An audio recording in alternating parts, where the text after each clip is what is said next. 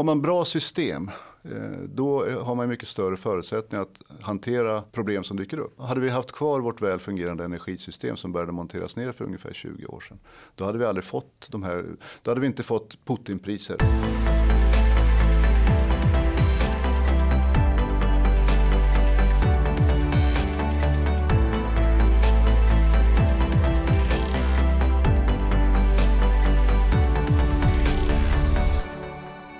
Mats Kinnvall är chefekonom vid Teknikföretagen. Mats och Teknikföretagen har på ett föredömligt sätt redogjort i artiklar och nyhetsbrev för vilka prövningar och möjligheter som Sverige och även övriga världen står inför rörande energi och råvaror, inte minst kopplat till klimatomställningen. För att diskutera dessa och andra frågor har jag bjudit in Mats till Skattebetalarnas podd Uppskattat. Varmt välkommen Mats. Tack för det, trevligt att vara här. Väldigt trevligt att ha dig här. Skoj! Först och främst ska jag fråga för våra lyssnare, vad är Teknikföretagen för någonting? Teknikföretagen är ju en arbetsgivare och branschorganisation för eh, teknikindustrin, alltså ja, verkstadsindustrin i bred, bemärkelse. Allt från Puttes, plåt och skruv i Lycksele till eh, de stora drakarna, fordonsindustrin och så vidare. Och så vidare. Vi har 4300 drygt medlemsföretag i, runt om i landet. Mm, och det här förstod jag på vår, inte förrförra utan statsministern innan dess, Fredrik Reinfeldt sa vid något tillfälle att den här tillverkningsindustrin den, den är snart ett minne blott. Eh, stämmer det överens med din bild av verkligheten? Nej, det gör ju inte det. Och det, det var ju inte sant heller då, 2014 eller var det 13 kanske i Davos på World Economic Forum. Det var, ju, det var inte sant då och det är ju ändå mindre sant idag. För att industrin har ju haft en, en, en god utveckling de senaste åren på, på många fronter, inte bara inom teknikföretagens bransch utan också inom delar av basindustrin. Mm. Det här är en stor och också växande näring i Sverige. Ja, det är faktiskt det. Och där har man ju brutit en trend som har varit ganska långvarig. Att industrin eh, krymper. Som, inte, den krymper ju inte i absoluta tal men som andel av ekonomin. Men mm. räknar man på rätt sätt så kan man säga att industrin faktiskt har vuxit under de senaste säg, fem till sju åren. Mm, och hur stor är er sektor i Svenskt Näringsliv? Vad står ni för i BNP och export? Ja, alltså, om man tar hela industrin så räknar man på rätt sätt igen. Mm, eh, mm. Då, och vad är rätt sätt? Då måste man ta hänsyn till hela värdekedjorna, hela förädlingsvärdekedjorna och inkludera alla underleverantörer som finns Eh, på olika håll i, i, eh, i, infrastrukturen men som är leverantörer till industrin. Då är det ungefär 20% av BNP då som är industrin. Och cirka hälften av det är eh, teknikföretagens branscher kan man säga. Mm, mm. Och hur stor del av exporten står ni för?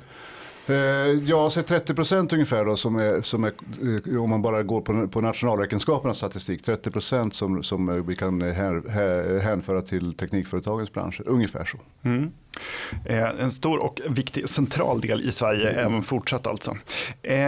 Det sägs att det finns ett kinesiskt ordspråk som säger må du leva intressanta tider och det ska vara en förbannelse. Och nu lever vi verkligen i intressanta tider. Vi har skenande inflation, eh, höjda räntor, eh, vi är inne i eller på väg in i en lågkonjunktur beroende på vem man frågar. Eh, det här var ju någonting som för bara drygt ett år sedan så fanns det liksom inte ens på kartan för, för de allra flesta. Eh, vad ställer det här till för problem? För vi märker ju alla på eh, höjda livsmedels och elpriser och sådär, men vad, vad, finns det för stora problem? för Vad, vad innebär det här för Sverige? Ja, för, för, Sverige så, det, som sagt det beror på vem du frågar och, mm. och, och, från vilken utgångspunkt du tittar. De som verkligen drabbas hårdast så här långt det är naturligtvis högt skuldsatta hushåll i storstadsområdet som, har, som får en rejäl smäll av stigande räntekostnader. Och det, mm. och det är många, som, många, många i den yngre generationen, kanske ända upp till 40 års åldern som inte har sett en ränta eh, någonsin och som trodde att man skulle slippa se dem och har tagit stora lån och fastighetspriser som har stigit och så har man legat på, på rörlig ränta. Och det är klart, det slår ju hårt på, på de hushållen. Eh, och dessutom förstås då skenande inflation. Mm. Eh, också en belastning för hushållen. Men det påverkar också delar av eh, näringslivet förstås. Eh, till, ja, även utanför teknikföretagens branscher. Om vi tittar på besöksnäringen, vi tittar på delar av handeln. Eh, så, kommer ju, så, så, ser man ju att det blir tydliga effekter. Men också delar av industrin förstås. Och mm. det, då är det ganska mycket beroende på vilken bransch man befinner sig i och var man befinner sig geografiskt. För att här har vi problemen med elpriserna då som det södra Sverige med elområde 3 och 4. där har ju industri, vissa industri, eh, energiintensiva eh, industriföretag drabbats väldigt hårt det senaste året av höga elpriser. Det har ju nästan varit en faktor som har fått en del företag att, att gå i backen. Mm. På andra håll i norra Sverige så har det varit en annan situation. Och så beror det på vilka branscher man befinner sig i. Så det är en ganska splittrad bild. Men det är inte bara hushållen som drabbas av allt det här. Utan också delar av näringslivet och faktiskt också delar av industrin. Mm.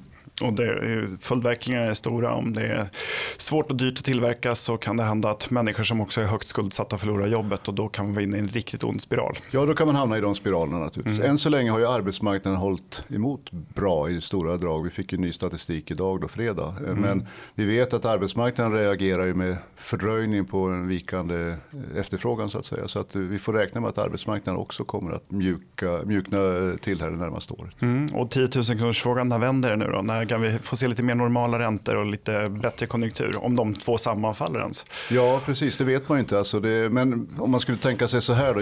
Min bild, eller vår bild, är att inflationen kommer att falla ganska brant under loppet av det här året. Mm mer av matematiska eller tekniska skäl för att eh, vi hade ju väldigt kraftiga ökningar i, i konsumentpriserna för ett år sedan. Och de trillar ju ur jämförelsetalen så att säga. Mm. Då, då kommer ju 12, inflationen är ju 12 månaders förändringar och då, då kommer det av matematiska baseffekter trycka ner inflationen. Men det handlar ju också väldigt mycket om energipriser och annat.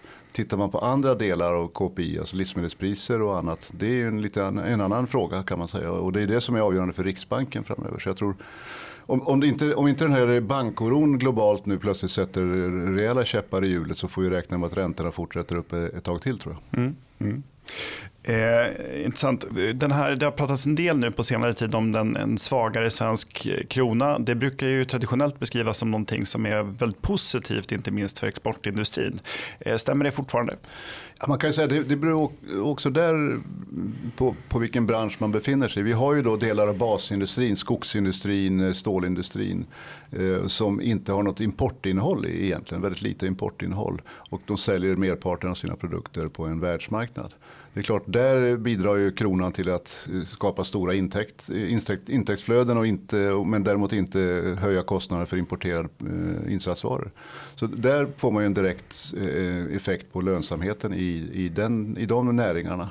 Eh, I tillverkningsindustrin så är det lite grann annorlunda för där har man ju, eller verkstadsindustrin då, för där har man ju betydande importinnehåll insatsvaror och så som, som blir dyrare. Men, mm. men det är klart att eh, allting annat lika om man tänker bort i vilken miljö kronan försvagas så, så bidrar det till, eh, till att liksom lönsamheten är, är bättre än annars. Men å andra sidan, vi vill ju inte leva på en svag krona. Vi vill ju bygga en konkurrenskraftig industri på egna meriter och inte, och inte på en svag krona. Så att det, det är inget vi önskar. Nej. Nej, jag förstår. Jag, förstår.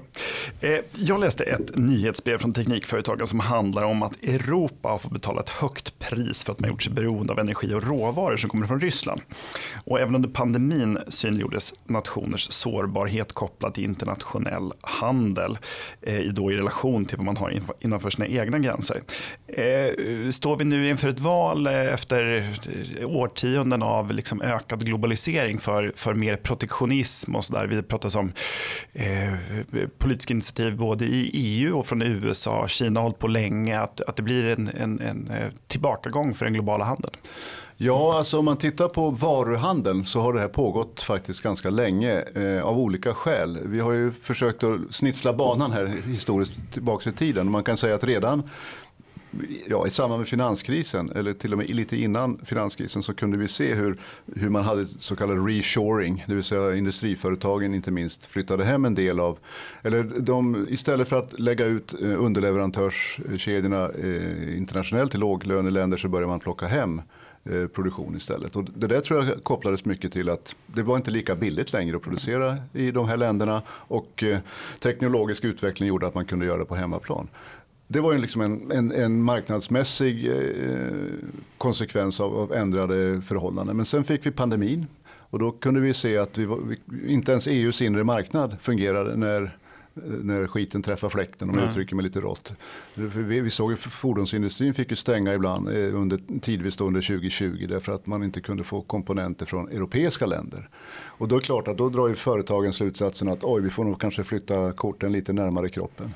Och sen kommer då Ryssland, Kina och de här sakerna som belyser de geopolitiska konsekvenserna och risken att man hamnar så att säga, i, i, i famnen på länder som inte är väl, välvilligt inställda. Det skyndar på den här processen. Så att alla de här faktorerna tillsammans har ju bidragit till en, en protektionistisk rörelse där man ska bygga eh, produktion på hemmaplan istället för att eh, delta i den internationella eh, eh handels, eh, eh, handelsutbytet. Och det, det, det, är inte bra för tillväxtpotentialen framöver. Nej, det här går väl lite stick i stäv med redan vad Adam Smith tänkte ut på sent 1700-tal. Arbetsfördelning är ju, är ju liksom roten till väl, välståndsökning och produktivitetstillväxt. Så det är en väldigt olycklig utveckling. Mm. Och nu krockar den med, delvis med geopolitik som är, som är lite lurig. Det gör ju det och sen, sen, tror jag också att det har funnits en, en beundran för den kinesiska modellen. Man har tänkt mm. att det är så där man ska göra. Jag tror att det, för Kina har ju vuxit bra och eh, jag tror att den här beundran har funnits på sina håll i Europa redan tidigare. Vi vet ju att Frankrike har en lång tradition av femårsplaner och perspektivet att man ska ha en statlig, statligt involverande i, i marknadsekonomin. Jag tror att det har varit en, en felaktig bedömning för att eh, Kinas starka tillväxt har ju snarast handlat om det man talar för catch-up eller upphinnareffekten. Mm. Att man har kunnat plocka lågt hängande frukter. och dra nytta av det som andra har gjort tidigare. Mm. Exakt, jag tror inte man, man kan hävda att det där beror på att den kinesiska liksom, statsplanerade, statskapitalistiska modellen har varit speciellt framgångsrik. Men det är så många har tolkat det. Mm, det är väldigt lockande för politiker att få få vara med och styra och pilla. Finns det, lockande. finns det en risk att vi gör det nu inte bara på nationell nivå, det vill säga att Frankrike håller på med sånt, utan att vi får det på en europeisk nivå? Absolut, och det har ju EU-kommissionen under von der Leyen, eller von der Leyen kanske mm. hon heter, visar ju väldigt tydligt vilken riktning man vill gå i. Man, man, ibland kan jag tycka att man, man liksom konstruerat ett planekonomiskt protektionistiskt monster som man försöker, som, som man rullar ut över, över hela EU. Och jag tror att det är väldigt skadligt för tillväxtpotentialen, i, kanske i synnerhet för ett litet land som Sverige. För att mycket av de här statsstöd och annat det kommer ju att eh, gå till stora eh, tyska och franska företag som eh, kan säga, expandera på våra mindre eh, kreativt drivna företag i, i Sverige till exempel. Ja, jag fascineras av det. Det är som en kapplöpning mot botten bland eh, flera olika både demokratiska och odemokratiska länder och, eh, och, och, och Europeiska unionen. Då, eh, som det väl finns svagt eller inget stöd för i den ekonomiska forskningen. Det här är ju helt egenkonstruerat på liksom, byråkratkontor och partikanslier. Jag tycker att det är fascinerande. Det är fascinerande. Jag, jag tror att pandemin är nog rätt så mycket en skurk i det här dramat. Mm. För att då var det ju uppenbart att här måste man ju ta till väldigt kraftiga eh, ja, politiska åtgärder för att stötta ekonomin och, och samhället för att undvika en total krasch. Det var ju helt nödvändigt. Mm. Eh, men det, det, det gav lite mer smak för många politiker tror jag. Så nu tycker man att det är så här man ska göra. Och det, det är inte bra för tillväxtkraften framöver. Nej. Det var som PG O'Rourke lär ha skrivit någonstans att, att ge eh, pengar och, makt till, eh, pengar och inflytande till en politiker är som att ge whisky och bilnycklar till en 17-åring. Ehm, eh, och det ligger tyvärr, tyvärr en hel del i det. Ja, det var, det var väl, väl funnet. Ja, och han var klok. Han, han, tyvärr är tiden nu, men han, han var en mycket klok person. Eh, eh, en annan het fråga har ju varit om de här sällsynta jordartsmetallerna som de brukar beskrivas. Eh, eller kritiska metaller kanske man ska uttrycka det, för jag har förstått att det där eh, sällsynta jordartsmetaller är inte ett eh, alldeles korrekt begrepp. men de kommer, behovet av de här ökar nu i med klimatomställningen och den tekniska utvecklingen. och i ljuset då av den sårbarhet vi har kunnat se under både pandemin och Rysslands krig mot Ukraina, borde vi kunna utvinna mer av de här råvarorna i Sverige eller finns det något som talar emot det? Eh, det, Sverige är ju väldigt rikt på mineral. Mm. Eh, inte, även vad det gäller den, här, den typen av eh, mineral som du just nu nämner. För att inte tala om eh, järn och mycket, mycket mm. annat. Så Sverige är ju ett av de Europa, eh, rikaste, min, mineralrikaste länderna i Europa. Och sen finns det ju, det finns ju en del andra vänliga nationer som också har stora fyndigheter av, av mineral. Jag menar, vi har Kanada, vi har Australien, vi har Eh, och, och, så vidare. Men, men, men det, så jag tycker att det finns alla anledningar att vi eh, gräver upp grejerna ur backen. Mm. Eh, sen måste man ju alltid ta hänsyn till andra intressen självklart. Men, men jag, jag, tänker också så här att alternativet är ju att fortsätta vara beroende av eh, ovänliga nationer som skulle kunna utnyttja det här beroendet, eh, precis som Putin har gjort med gasen, till att utöva, idka utpressning mot oss. Och det är klart att i, en, i den bästa av världar där alla spelar efter samma spelregler och alla bara deltar i spelet därför att man vill utnyttja eh, vinster av handel. Då skulle det inte finnas någon anledning för Sverige att ta upp de här grejerna om vi kunde köpa det billigare någon annanstans ifrån. Men nu finns ju den risken. Och då tycker jag det finns eh, anledning att, vi, att gräva upp det vi har i backen med hänsyn till andra intressen självklart. Mm. Mm. Och som sagt, vi har ganska gott om det och vi har ju en lång tradition. Alltså sedan Falu koppargruva och framåt har vi varit en stor exportör av, av inte minst metaller. Ja så är det och, och, och så, eh, vi vet ju att det finns stora fyndigheter och, och, vi vet att eh, de förmodligen skulle kunna vara värda att ta upp. Särskilt om vi vill undvika att hamna i knät på ovänliga eh, nationer. Mm. Så att jag tycker den kalkylen blir lite annorlunda nu jämfört med tidigare när vi inte var rädda för att hamna i utpressningssituation. Nej, Nej och, det, och lite är det eftertankens kranka blekhet. Det har funnits väldigt lite förberedelse för, för detta. Och som sagt LKAB var det som hittade det här bara för ett par månader sedan som upptäckte en ny stor fyndighet. Eh, eh, det är också mängden metall som behövs. Parisavtalet pekar ut en ambition och en riktning för en omfattande klimatomställning. Finns det tillräckligt av de här eh, metallerna och mineralerna för att uppfylla Parisavtalet? Alltså där, där de tvistade lärde. Jag är inte någon expert på just den saken men det hindrar inte att jag följer diskussionen.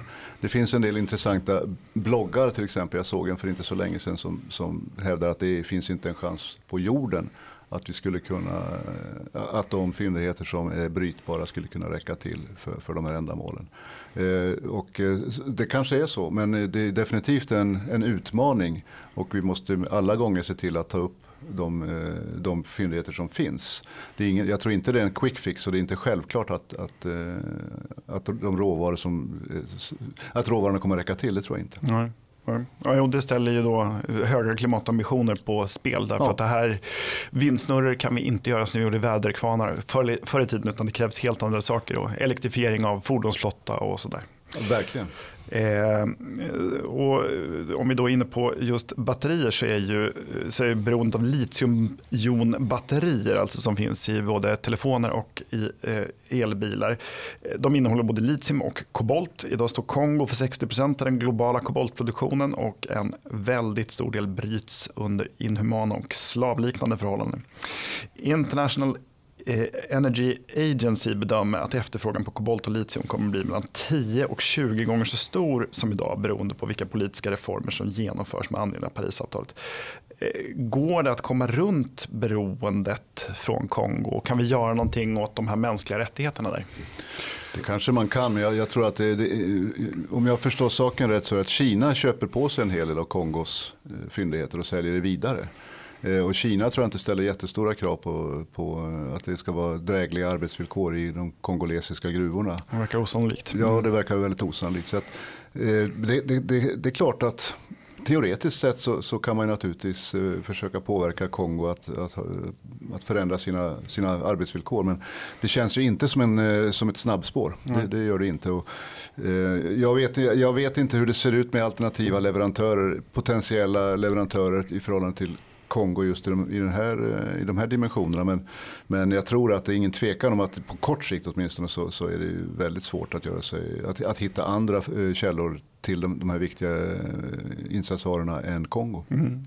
Man får väl åtminstone hoppas då att det, det, det, är i alla fall inte sällan så att med ökad export så stiger välståndet och eh, de interna kraven på bättre arbetsvillkor ökar. Var, jag ska inte säga att det är en ursäkt för att ha dåliga arbetsvillkor idag men det är svårt när man, när, om, om ett land är fattigt eller befolkningen är fattig så är det svårt att ställa höga krav.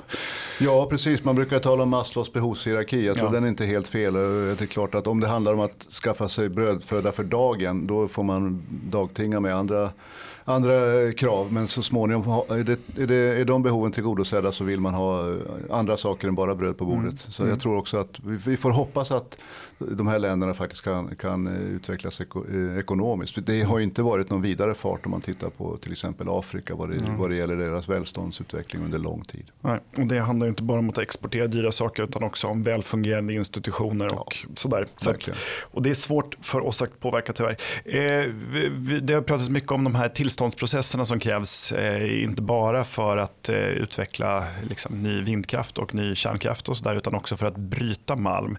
Eh, är det här någonting som man behöver se över om vi ska få upp de här metallerna? Absolut, och, och eh, som du lite grann antydde, vi, vi, vi, har ett projekt på Teknikföretagen där vi frågar oss vad kommer att krävas i olika dimensioner för att den gröna industrialisering mm. eller omställningen i Sverige ska kunna komma till stånd. Eh, elen är en sak. Eh, det kommer att krävas enorma mängder ny el, ökad elproduktion för att de här satsningarna ska kunna komma till stånd. Det kommer att krävas väldigt mycket eh, mineral och metall. Men också eh, väldigt mycket ny kompetens. Och alla de här frågorna handlar i grund och botten delvis åtminstone om tillståndsprocesser.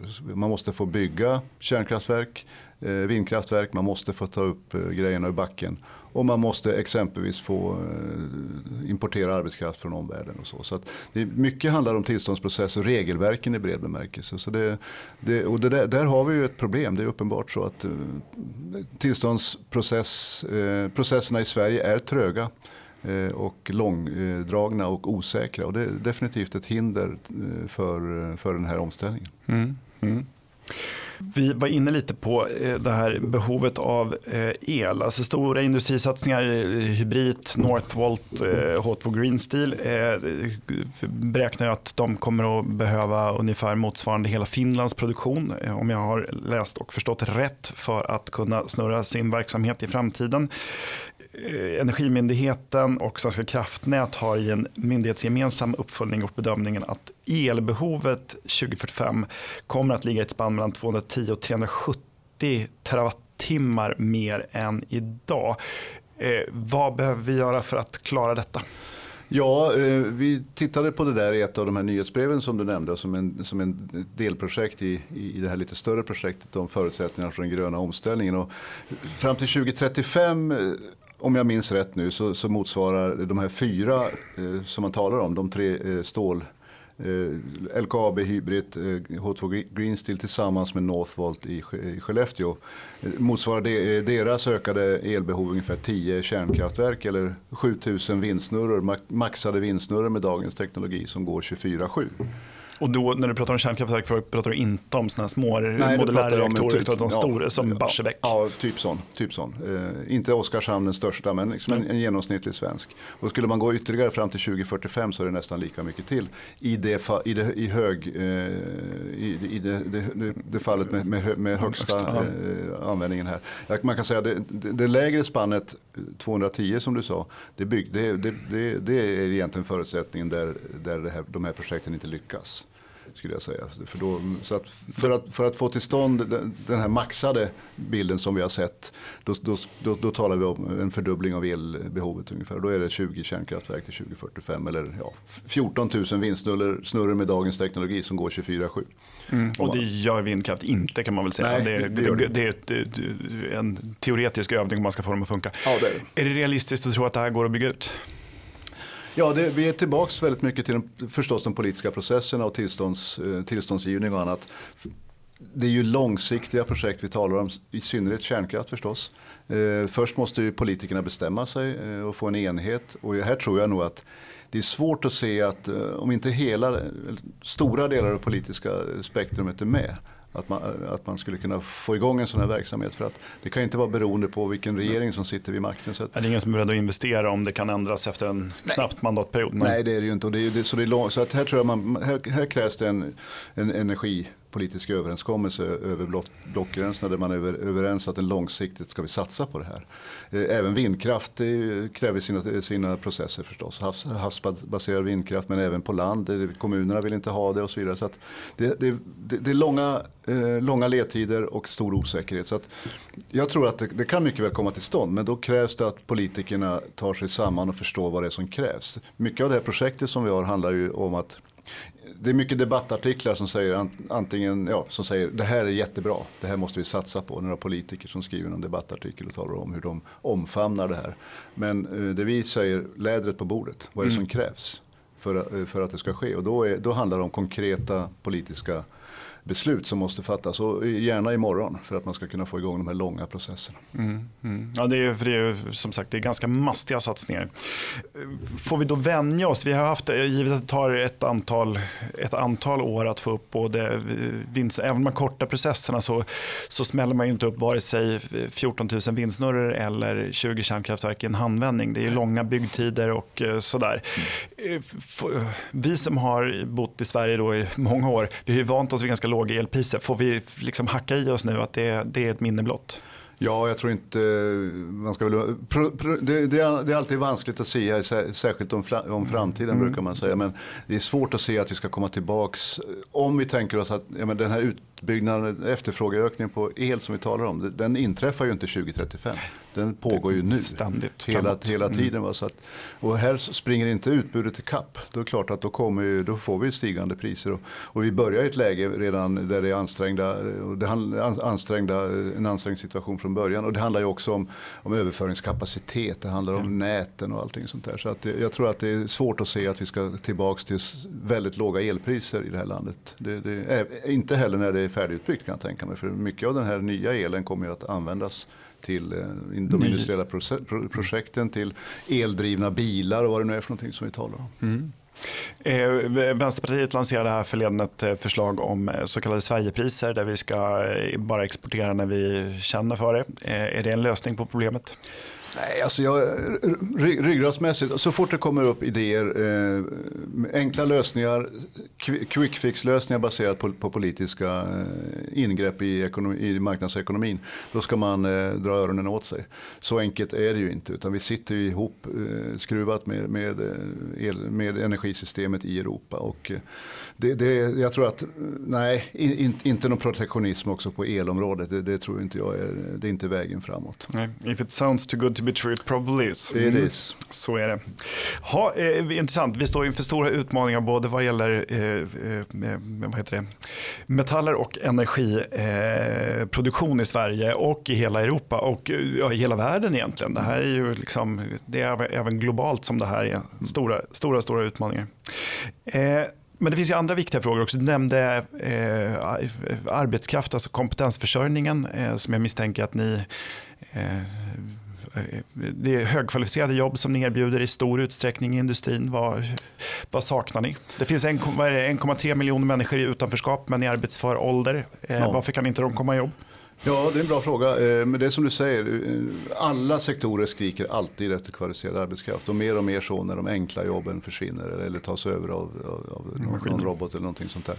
Och det är inte minst inom industrin förstås. Och industrijobb är ju allmänhet högkvalificerade. Går man in på en fabrik idag så det är inte särskilt många traditionella blue colors som går runt där och skruvar på någon ratt eller så. Utan det är väldigt mycket högkvalificerade arbeten de arbeten som finns kvar är ju, är ju högkvalificerade och sen är det maskiner som, som gör mycket av det andra.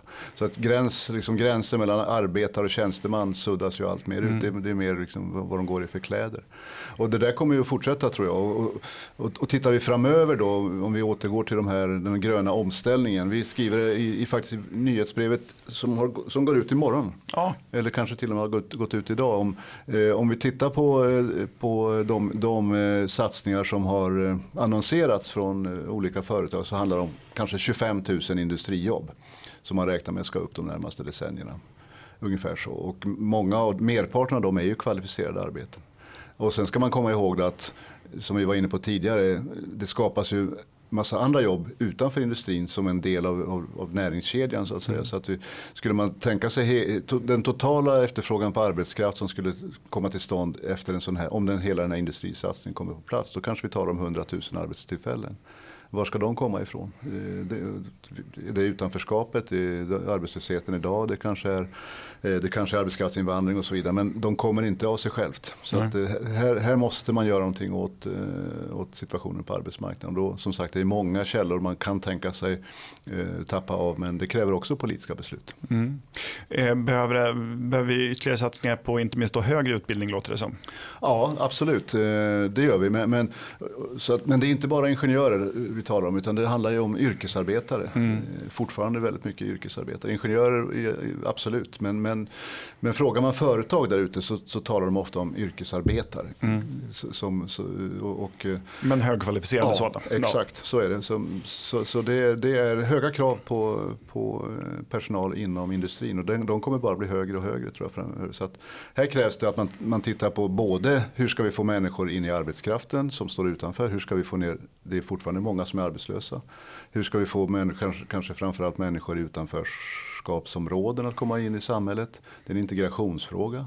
Och hur ska vi få ett utbildningssystem som, som blir ändamålsenligt så att eh, det spottar ur sig människor med den utbildning som arbetsmarknaden efterfrågar. Eh, och här tror jag man kan, här måste man fundera på om det kanske finns anledning för staten att styra eh, via utbildningssystemet så att, så att människor hamnar på de utbildningar som har störst samhällsnytta. Mm. Det är en om man nu ska säga, var, hur kan du sitta där och prata om statliga ingrepp i marknaden men mm. utbildningssystemet är ju inte en marknad i, i, i, i, traditionell bemärkelse. Det är en kollektiv nyttighet så att säga, som, som, som, ska, som har nytta till hela samhället. Så där, där finns det anledning att fundera på utbildningspolitiken. Just det, vi, vi skulle behöva fler som, gör, eller som utbildar sig för jobb som verkligen efterfrågas helt ja, enkelt. Ja, och som har ett högt förädlingsvärde. Mm. Eh, så. Ja, för senast vi talades vid, eller som jag hörde dig tala, så pratade du om, om de här så, eh, ringar på vattnet-effekterna av industrijobb. Mm. Kan du förklara vad, vad, vad händer när man anställer en, ytterligare en person i industrin? Ja, precis. Eh, och det där ser man inte om man tittar på statistiken bara. Då, då, då, har man tjänstesektorn och sen har man industrisektorn och så har vi handel. Men så ser inte ett samhälle ut utan allting hänger ihop. Så att om man tänker bara rakt av så här, ett nytt industrijobb. Om vi tänker oavsett vilken bransch det är. Sen skiljer det sig lite grann på vilken, vilken industrigren vi tittar på. Men ett nytt industrijobb genererar 1,2 jobb upp i näringskedjan som man säger. Eller uppströms. Mm. Eh, och då, man, man, kan tänka sig som, som, en älv. När jag var ung då, då, gick timret på älven. Det gör det inte mm. längre, nu går det på långtradare. Ja. Men längst upp så sågar man ner träden och så, går de, eh, så, så åker de ner för floden ner till sågverket. Men sen har man bifloder in. Eh, som, och där har, vi, där har vi allt från, eh, från ingenjörer som ska programmera sågarna till eh, catering så småningom när man kommer närma sig slutstationen. Och det som kommer ut, det förädlingsvärde som kommer ut i form av sågade trävaror. Det är då mycket mer värt än bara, det är summan av alla de insatser som Just. kommit från alla underleverantörer. Så tar man den hela värdekedjan då, då kan man säga ett industrijobb eller en krona förädlingsvärde i industrin ger 1,2 ytterligare upp i näringskedjan, mm. i, i, i värdekedjan. Mm. Mm. Sen ska man också kanske lägga till då att om de här jobben kommer till stånd i någon ort så de människorna som jobbar både i direktindustrin och uppe i värdekedjan de går också på ICA och går till korvmojen eller eller går på hockeymatchen och skapar eh, värden nedströms som man så säger. De fångar vi inte i de här 2,2 eller ja, 1 eh, plus 1,2. De, de kommer därutöver. Just det. Så att, ja, precis. Och det är det här som skapar tillväxt helt enkelt. Vilket ja. är bra för oss alla. Det blir större och plattare tv-apparater men framförallt blir det bättre cancervård. Precis, för att mycket av skatteintäkterna kommer ju också från industrin. Så att det blir ett bidrag både till den lokala, den lokala eh, välfärdsproduktionen men också till staten via skatteintäkter. Så mm. det, det, det, allting hänger samman. Ja, ja, och vi har större resurser och kan utveckla nya läkemedel och nya metoder och snabbare och billigare och miljövänligare bilar. Så. Till, tillväxt är fina grejer och avsaknaden av det är förskräcklig. Så För är då, det definitivt. Då ska vi slåss om samma kaka. Mm. Eh, vi har ju en Eh, ny regering sedan ungefär ett halvår tillbaka. Eh, hur ser du på reformtakten hittills? Ja, det har väl inte varit jättehög. Eh, jag tror att det känns ju som att man inte var riktigt förberedd kanske när man, när man fick gå in i kanslihuset och, och de olika departementen. Sen, sen var det ju naturligtvis en väldigt besvärlig situation. Man, redan då var det ju energi kris, det var livsmedelspriser som skenade. Så man har ju fått hantera eh, dagsaktuella problem redan från början. Och har inte liksom, liksom, riktigt fått ihop det än tror jag. Och sen kommer då EU, EU-ordförandeskapet på mm. detta också som, som tar mycket av energi. Så att jag tror att och en NATO-process. Inte minst det. Så alla de här sakerna tror jag har sugit. Eh, de, de långs, långsiktiga ekonomiska perspektiven har liksom fått hamna i bakgrunden för att hantera dagsaktuella eh, frågor och kriser får man säga. Men NATO, kriget i Ukraina och, och, Ryssland och så det är ju någonting man självklart måste prioritera för att eh, det, det, var ju en, väldigt omvälvande historia. Så jag tror inte man har liksom kunnat fokusera på, på lite mer långsiktiga strukturella problem eller frågeställningar i Sverige med ekonomisk eh, inriktning. Nej. Och men och från eh, industrins perspektiv, vad skulle, vad skulle ni vilja se för reformer som sjösätts gärna så snart som möjligt? Ja, men vi har ju ett antal profilfrågor frågor eh, som vi tycker är viktiga och, och eh, framöver. Och, eh, Digitaliseringsfrågan är, väldigt eh, viktig. När det talas om infrastruktur så är det fortfarande lite kanske mycket vägar och järnvägar och så. Men den digitala infrastrukturen är ju inte minst viktig eh, förstås. Särskilt eftersom den utveckling vi talar om här nu med grön omställning och annat. Det handlar ju också väldigt mycket om, om elektrifiering och sådana saker. Och, eh, och, och, allt det här kräver, eh, kräver en förbättrad, en, en snabb utveckling av, den, av, av, av IT-infrastrukturen. Eh, vi har som sagt var eh, utbildningsfrågorna, eh, få, kompetens, få rätt kompetens på, på plats vid rätt tidpunkt och så vidare. De effektiva energisystemen som vi var inne på är oerhört viktigt förstås också. Så att, det är den typen av mer långsiktiga frågeställningar som, som vi vill att man ska fokusera på. Så det är inte alltså läge för regeringen att ta ett lite förlängt påsklov och börja snart utan istället sätta igång? Ja, jag tycker att det, det känns kanske inte riktigt som att det är upp till att regeringen och ministrar ska fokusera på att prata livsmedelshandlare till rätta med, med priserna. Och så. Men, men, Va, vad man nu ska kunna åstadkomma med det. Ja, ja men precis, men det är, liksom, det är det som är hett just nu. Det är ja. på allas, i allas eh, tankar och då då är den politiska logiken att då är det, då är det de, de frågorna man, man, tar i, man tar först på, på agendan. Och mm. Sådana frågor kommer hela tiden och risken är att, att man aldrig får tid med, med, att sätta sig ner och fundera på de långsiktiga frågorna och fundera ut en, en rimlig strategi för till, svensk tillväxt och produktivitet på sikt. Och vilka reform, strukturreformer vi behöver för att komma till rätta med de problem vi redan har och de som finns runt knuten och vi redan kan se och skapa en förberedelse för de som, som vi inte vet kommer men, men som kommer att komma. Ja exakt, så, har man bra system eh, då har man mycket större förutsättningar att hantera problem som dyker upp. Ja. Eh, till exempel hade vi, haft ett väl, hade vi haft kvar vårt väl fungerande energisystem som började monteras ner för ungefär 20 år sedan. Då hade vi aldrig fått de här, då hade vi inte fått Putinpriser om man Nej. uttrycker sig på det sättet. Så att bra fungerande system det gör att man, att man har möjlighet att, att hantera också tillfälliga kriser. Skapa resiliens. Ja, det är så. Jätteintressant, stort tack. Eh, du nämnde era nyhetsbrev som jag tycker är mycket läsvärda. Hur får man tag på sådana? Man kan prenumerera på dem och mm. eh, om man väl har signat upp sig, det kan man göra via eh, Teknikföretagens hemsida. Då får man dem i sin mailkorg eh, varje fredag. Mm. Eh, det har varit lite trassel med, med sådana här spamfilter och annat men mm. det ska kunna fungera. Men Teknikföretagen.se och ja. sen så kan man signa upp sig på era mycket läsvärda nyhetsbrev där. Det kan man göra. Stort tack för att du kom hit idag Mats. Tack, jättetrevligt. Jätteroligt att ha dig här och matnyttigt tror jag både för mig och våra lyssnare. Tack för att du kom hit som sagt. Eh, uppskattat, det är en podcast från Skattebetalarnas förening. Vi arbetar för låga och rättvisa skatter, rättssäkerhet för skattskyldiga och minskat slöseri med skattepengar. Vi bildar opinion och folkbildar i skattefrågan och vi lever som vi lär tar bara emot frivilliga bidrag. Uppskattar du podden så kan du gärna ge oss ett betyg och gärna högt då i din app och vill du medverka till att Sverige blir ett land med minskat slöseri och rimligare skatter så stödjer du oss enklast genom att bli medlem. Läs mer och bli medlem på www.skattebetalarna.se bli medlem. Till nästa vecka, ha det så bra.